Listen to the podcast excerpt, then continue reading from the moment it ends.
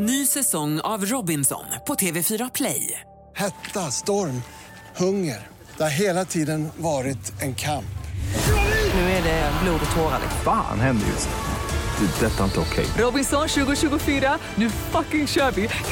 Streama söndag på TV4 Play. Podplay. Redan nu kan du lyssna på samtliga avsnitt från den här säsongen på plattformen Podplay.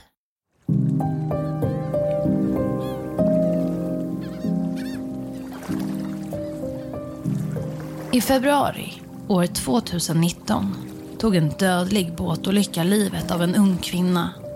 Frågan är vem som orsakat kvinnans död. Vem skulle bära ansvaret för olyckan? Kort därpå dör en av personerna som varit inblandad i båtolyckan. Och därefter fortsätter tragedierna som på rullande band. Du lyssnar på Jakten på mördaren med mig, Saga Springhorn. Jag vill varna för grovt innehåll i dagens poddavsnitt.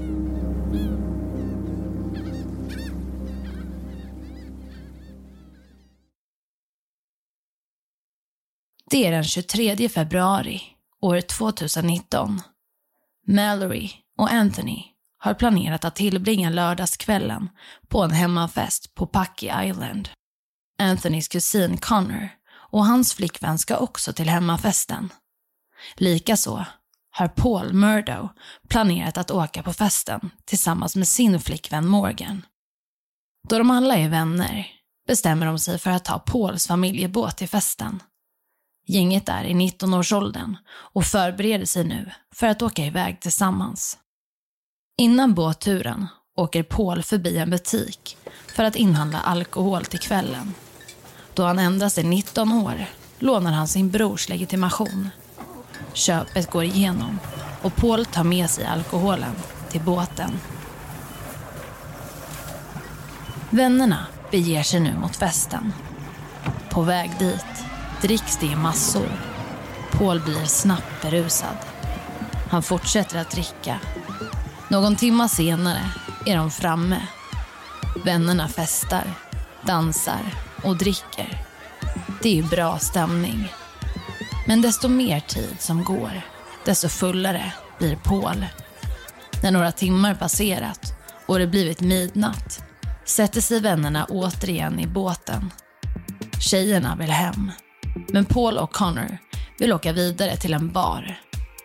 Det blir som Connor och Paul vill.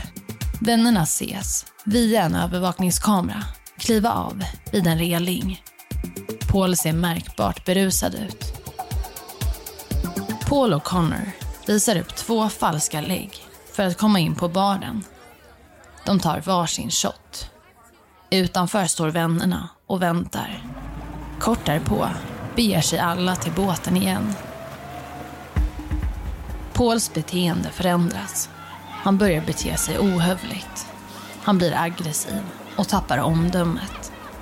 Paul och flickvännen Morgan bråkar på båten. Paul är en helt annan person från vad han brukar vara i nyktert tillstånd. Han tar av sig sina kläder och kör båten i endast kalsonger. Paul kör i en hög hastighet. Han vrider ratten och båten kör runt i cirklar. När någon i gänget försöker få tag på ratten skriker Paul och säger att det är hans båt. Ingen får röra. Gänget i båten är rädda. Paul har spårat ut totalt.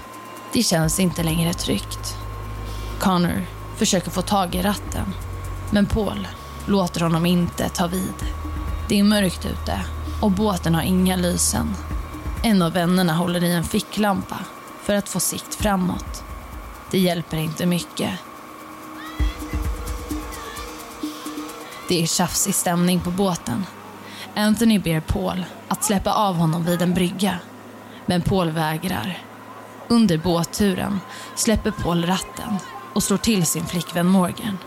Vidare kör han gasen i botten. Gänget skriker åt honom. Plötsligt har de hamnat under en bro. Båten kör i hög hastighet och mitt i allt kraschar den rakt in i en av balkarna på bron. Paul, Anthony och Mallory kastas ut ur båten, ner i det mörka vattnet. Paul och Anthony lyckas ta sig upp i båten igen, men Mallory är borta.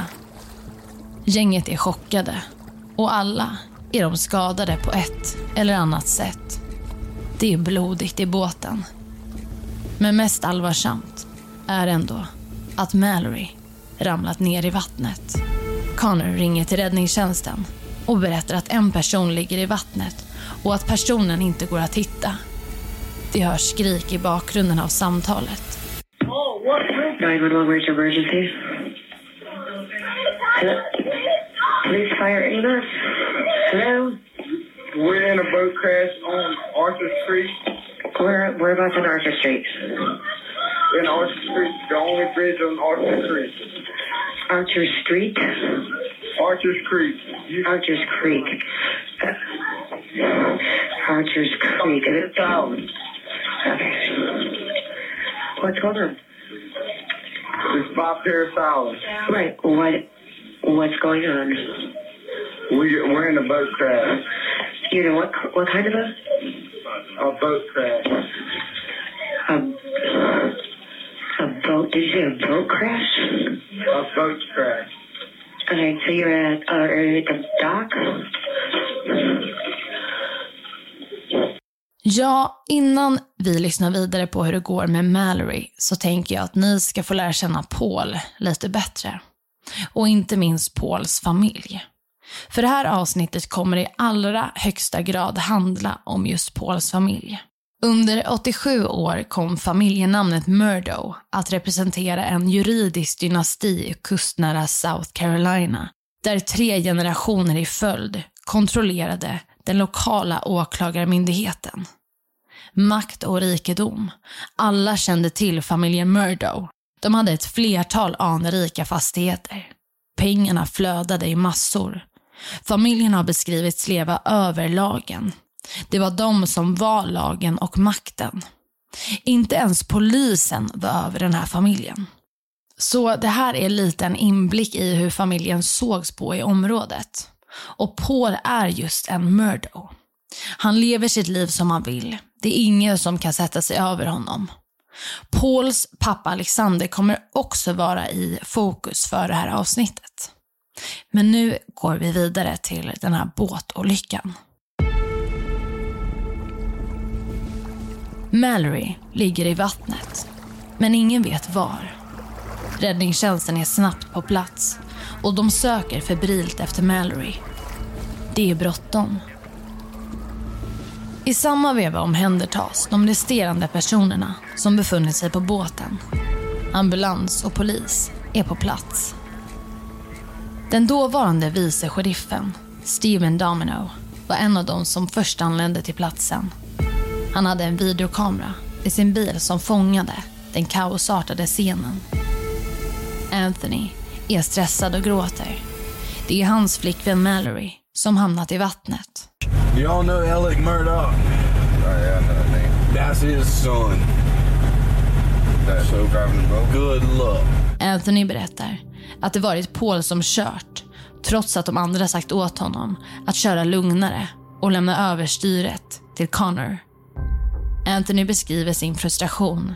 Han vet att Paul inte kommer få några problem efter det här. Han är skyddad av sin mäktiga familj. Familjen som är lagen. När Anthony ser att Paul kommer gåendes blir han upprörd. Han tycker sig se att Paul skrattar Bro, you fucking smiling like it's fucking funny. My fucking girlfriend gone, bro. You think it's fucking funny? Anthony försöker rusa fram till Paul, men Steven stoppar honom. Anthony skriker att Paul har dödat hans flickvän. Samtliga personer som varit med under båtkraschen transporteras till sjukhus. Alla förutom Anthony som vägrar att lämna platsen. Pauls flickvän, Morgan, har en svår skada i handen. Connor behandlas för en bruten käke. Paul vill inte samarbeta och blir därför fastspänd i en sjukhussäng. Han tvingas lämna ett blodprov. Det visar att han är rejält berusad. Hans alkoholhalt i blodet ligger på 0,24. På sjukhuset dyker plötsligt Pauls pappa, Alex, upp. Alex vet vad som står på spel. Paul hade lånat familjens båt. Paul var dessutom kraftigt berusad och de andra vittnade om att det var just Paul som kört båten. Familjens rykte stod på spel. Alex observeras, går från rum till rum på sjukhuset. Han försöker prata med de andra överlevande, påverka dem. När Alex och Pauls farfar kliver in i Pauls rum på sjukhuset står ännu personalen och samtalar med Paul. Han försöker ta reda på vad som hänt. Alex säger att det är färdigsnackat. Paul är klar. Vill människor prata med Paul uppmanas de nu att istället prata med Pauls farfar, eller Alex. Pauls familj känner flera poliser och utredare. Alla vet vilka de är. Några har varit på fester på familjens enorma egendom. Andra golfar med Pauls pappa och tillhörande släktingar och familjemedlemmar. Många har i efterhand vittnat om att hanteringen kopplat till båtolyckan inte gått till som den borde ha gjort. Pauls mobil hade till exempel inte tagits med i bevisningen. Vissa saker som han sagt hade inte antecknats. Det var tydligt för de som varit på båten och deras familjemedlemmar att Paul särbehandlats under utredningen. Poddtips från Podplay. I podden Något Kaiko garanterar östgötarna Brutti och jag, Davva, dig en stor dos skratt. Där följer jag pladask för köttätandet igen. Man är lite som en jävla vampyr. Man har fått lite blodsmak och då måste man ha mer. Udda spaningar, fängslande anekdoter och en och annan arg rant. Jag måste ha mitt kaffe på morgonen för annars är jag ingen trevlig människa. Då är du ingen trevlig människa, punkt. Något Kaiko, hör du på Podplay. Därför är gardinerna.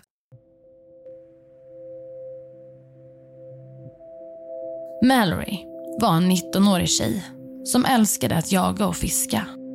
Hon och Anthony hade träffats i kyrkan redan som små då deras familjer var där varje vecka.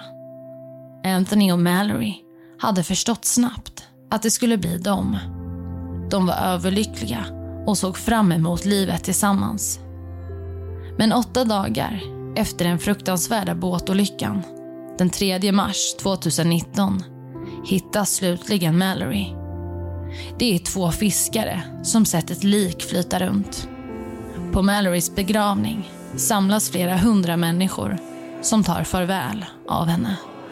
Och nu är frågan vem som ska stå till svars för Mallorys död. Trots att familjen Murdo försökt skydda Paul blir han åtalad den 18 april år 2019. Det är samma dag som Mallory skulle ha fyllt 20 år. Han åtalas då för att ha framfört en båt under påverkan. Utöver det för att ha orsakat Mallorys död samt allvarligt skadat två andra passagerare. Paul förnekar att han bär ansvar för det han åtalats för. I väntan på att rättegången ska dra igång får Paul vara fri ute i samhället.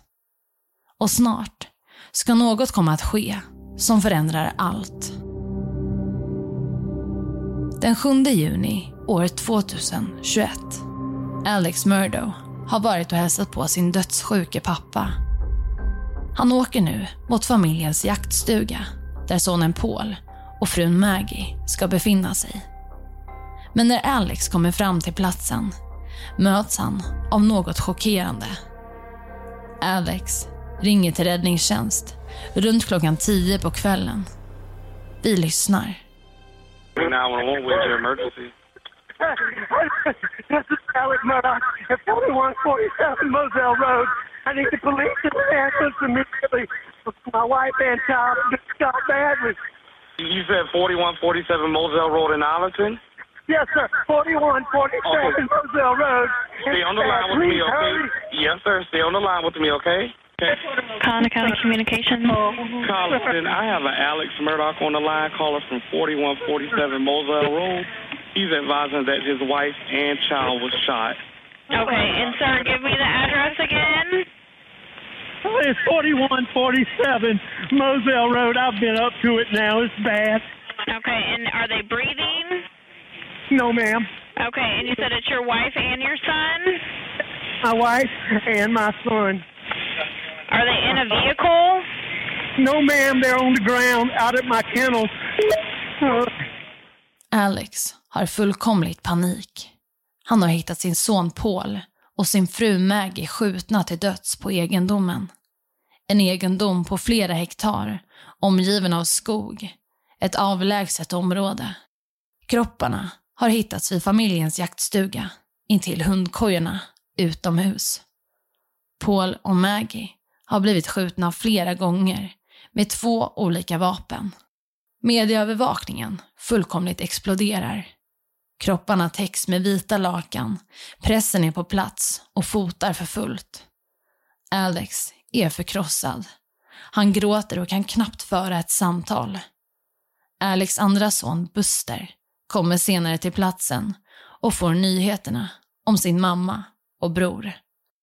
Morden hade inträffat någon gång mellan 21 och 21.30 på kvällen. Utredarna börjar med att kartlägga familjen. Finns det några motiv som kan binda någon av dem till morden?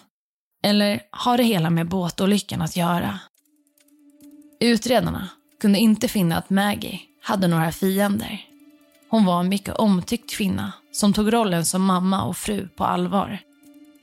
Det gick dock rykten om att hon och Alex relation varit turbulent för tiden då hon dog. Alex blir därför intressant för utredningen. Men han har ett alibi för tiden för morden. Han hade varit och hälsat på sin pappa på sjukhuset. Paul däremot hade flera fiender. Inte minst efter båtolyckan år 2019. Paul hade haft ett alter ego, som Timmy. Det var den personen som han förvandlades till när han drack stora mängder alkohol. Många vänner har beskrivit hur Paul blev en helt annan person när han drack. Mitt i utredningen får polisen ett tips.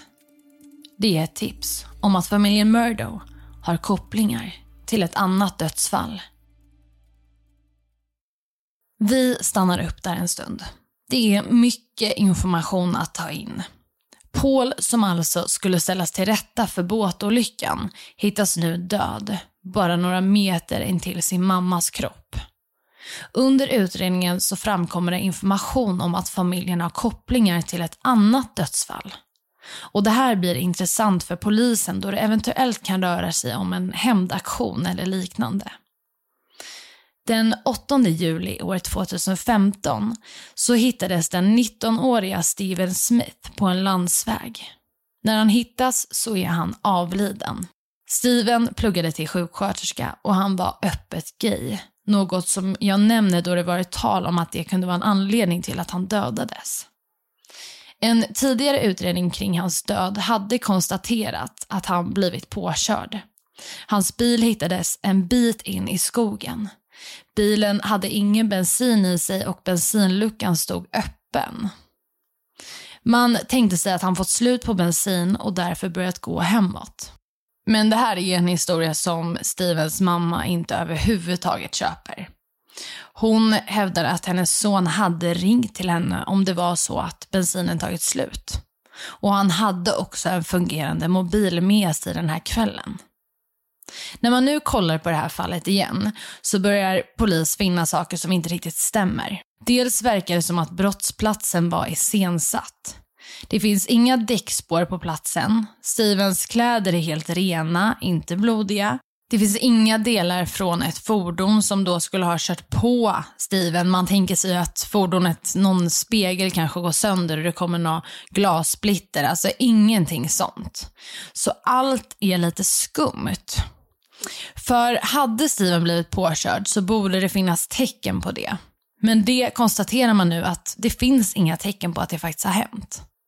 Under utredningen, den tidigare utredningen, hade det framkommit att Buster, Pauls bror, haft en fling med Steven. Och det är många som vittnar om att familjen har med Stevens död att göra, så det här blir väldigt intressant för utredarna. Kan dessa fall ha kopplingar till varandra? Det framkommer också att Stevens mamma blivit kontaktad av en ur familjen Murdo eh, och då blivit erbjuden en gratis advokat. Så det här är någonting som gör det ytterligare intressant. Varför hade en i familjen Murdo erbjudit sig att vara en advokat utan att få betalt för den här familjen? Ja, nu ska vi gå vidare och ni kommer nu få höra om ytterligare ett märkligt dödsfall som har kopplingar till familjen Murdo. Och det här dödsfallet sker år 2018, alltså innan båtolyckan och innan Paul och Maggie hittas avlidna. Vi går vidare. Den 2 februari år 2018 är hushållerskan Gloria Sattersfield på sitt arbete hemma hos familjen Murdo. Hon sköter hushållet, vaktar barn och springer ärenden när familjen ber henne om det. Den här dagen faller Gloria i familjens trappa. Omständigheterna är något märkliga. Gloria drabbas av en allvarlig huvudskada på grund av fallet i trappen. Alex berättar för räddningstjänst som kommer till platsen att Gloria efter fallet berättat att det var hundarna som fick henne att ramla i trappan. Alex upplevs bete sig stressat. Han är tydlig med att det varit just hundarna som orsakat det hela. Gloria läggs in på sjukhus i ett kritiskt tillstånd. Några veckor senare, den 26 februari, avlider hon till följd av huvudskadan samt en stroke. Glorias kropp obduceras inte och enligt dödsattestet har hon konstaterats dö av naturliga orsaker. Glorias söner ska erhållas försäkringspengar efter deras mammas död. Men så blir det inte. Och det här ska vi återkomma till lite senare.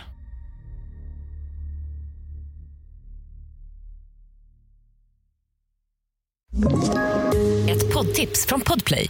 I podden Något Kaiko garanterar östgötarna Brutti och jag, Davva, dig en stor dos skratt. Där följer jag pladask för köttätandet igen. Man är lite som en jävla vampyr. Man har fått lite blodsmak och då måste man ha mer. Udda spaningar, fängslande anekdoter och en och annan arg rant. Jag måste ha mitt kaffe på morgonen för annars är jag ingen trevlig människa. Då är du ingen trevlig människa, punkt. Något Kaiko, hör du på Podplay. Därför är gardinerna. En båtolycka har alltså inträffat. Därefter hittas Paul och hans mamma skjutna till döds. Utredningen som följer därefter snappar upp att familjen Murdo eventuellt har kopplingar till två dödsfall. Hushållerskan Gloria och 19-åringen Steven Smith. Den 25 juni går Alex och hans son Buster ut med ett offentligt meddelande.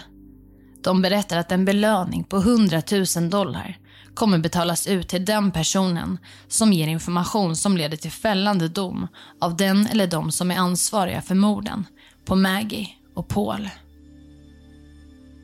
Den 4 september år 2021 händer återigen något. Alex ringer till räddningstjänst. Han berättar att han blivit skjuten i huvudet. Alex hade fått problem med bilen och stannat vid sidan av vägen. En person som hade färdats längs med vägen hade stannat för att hjälpa Alex. Men personen hade senare höjt sitt vapen mot Alex och avlossat ett skott. Pressen skriver om skjutningen. Det är mycket kring familjen Murdo. När ska tragedin ta slut? Man tänker sig att Alex tillstånd är kritiskt. Men ny information ska snart komma. Alex fördes till sjukhus och behandlades för en så kallad ytlig skottskada i huvudet. Skottskadan var inte allvarlig, som man tidigare trott. Nu är det många utredningar och många frågetecken som måste lösas. Ingen gripen eller misstänkt för skottet mot Alex. Två dagar senare släpper familjen Murdo ett pressmeddelande. I pressmeddelandet står det att Alex säger upp sig från advokatbyrån som flera i hans familj och släkt arbetar på. Advokatbyrån som gått i arv. Det är en stor nyhet att Alex nu valt att lämna. Alex skriver in sig på rehab.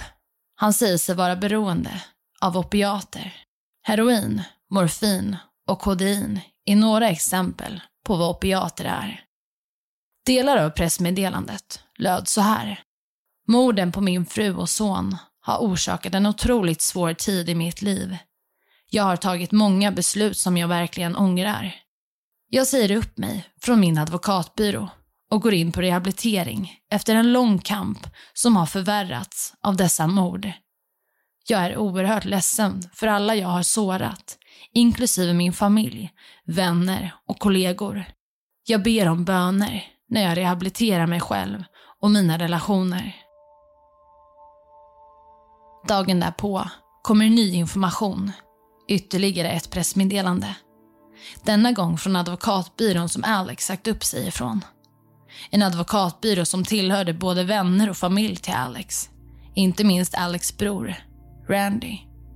Byrån säger att Alex sagt upp sig då det framkommit att han förskingrat pengar.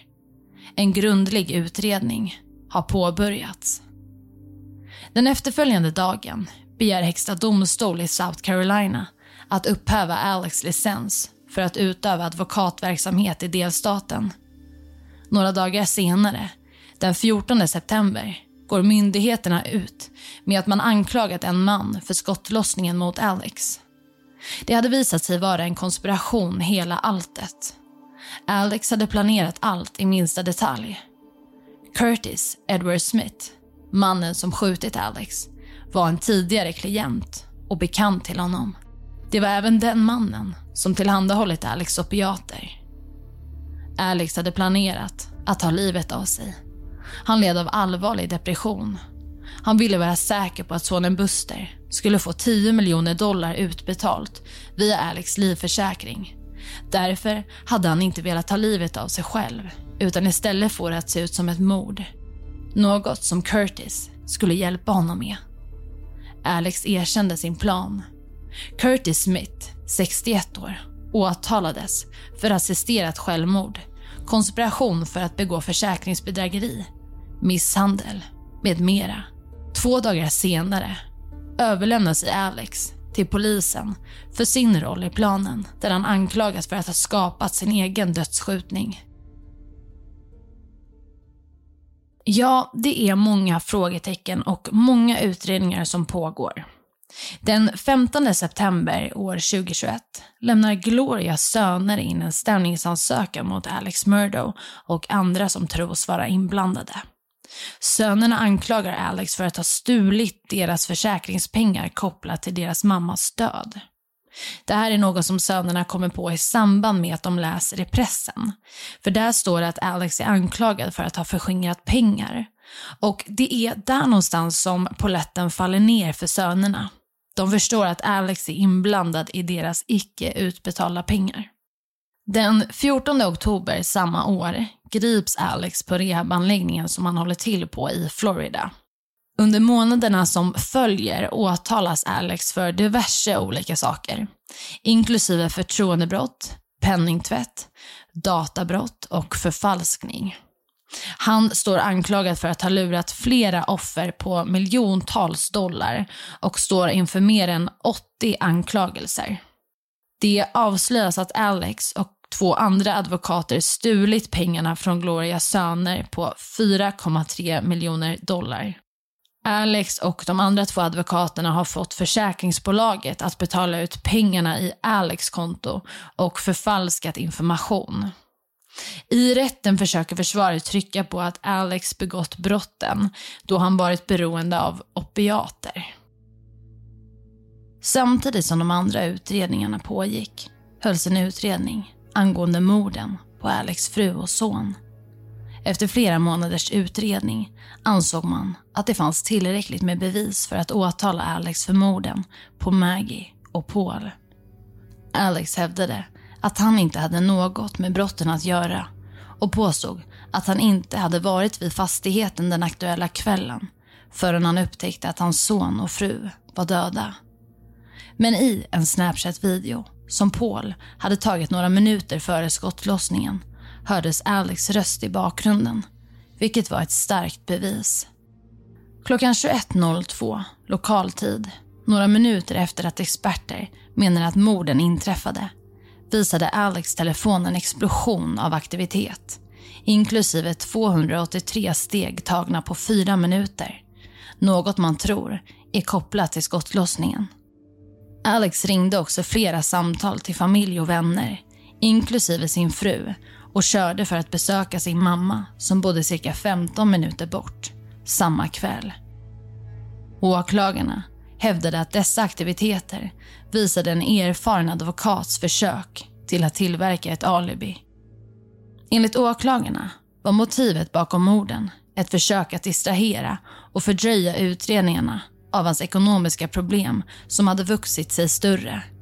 Medlen som han använde sig av var två vapen som tillhörde familjen. Efter sex veckors rättegång, 75 vittnesmål och 800 bevis fälldes Alex för morden och dömdes till två livstidsdomar utan möjlighet till frigivning. Och det var allt för dagens avsnitt. Tack för att du har lyssnat. Vill du komma i kontakt med mig så kan du skriva till mig på Instagram där jag heter Saga Springkorn eller mejla till jaktenpamordaren.springkorn.se. I nästa vecka av Jakten på mördaren kommer du kunna lyssna till följande fall. En kylig och dyster vinterkväll den 2 februari år 1933. Advokaten René Lancelin är på väg hem för att möta upp sin hustru och dotter efter en lång dag ute på stan. Men när han väl når fram till sin eleganta bostad känner han genast att något är fel. Om du inte orkar vänta och vill lyssna på avsnittet redan nu så kan du göra det helt gratis i appen Podplay eller på podplay.se. Podplay, en del av Ett poddtips från Podplay. I podden Något Kaiko garanterar östgötarna Brutti och jag, Davva, dig en stor dos skratt. Där följer jag pladask för köttätandet igen. Man är lite som en jävla vampyr. Man har fått lite blodsmak och då måste man ha mer. Udda spaningar, fängslande anekdoter och en och annan arg rant. Jag måste ha mitt kaffe på morgonen för annars är jag ingen trevlig människa. Då är du ingen trevlig människa, punkt. Något Kaiko, hör du på Podplay. Därför är gardinerna.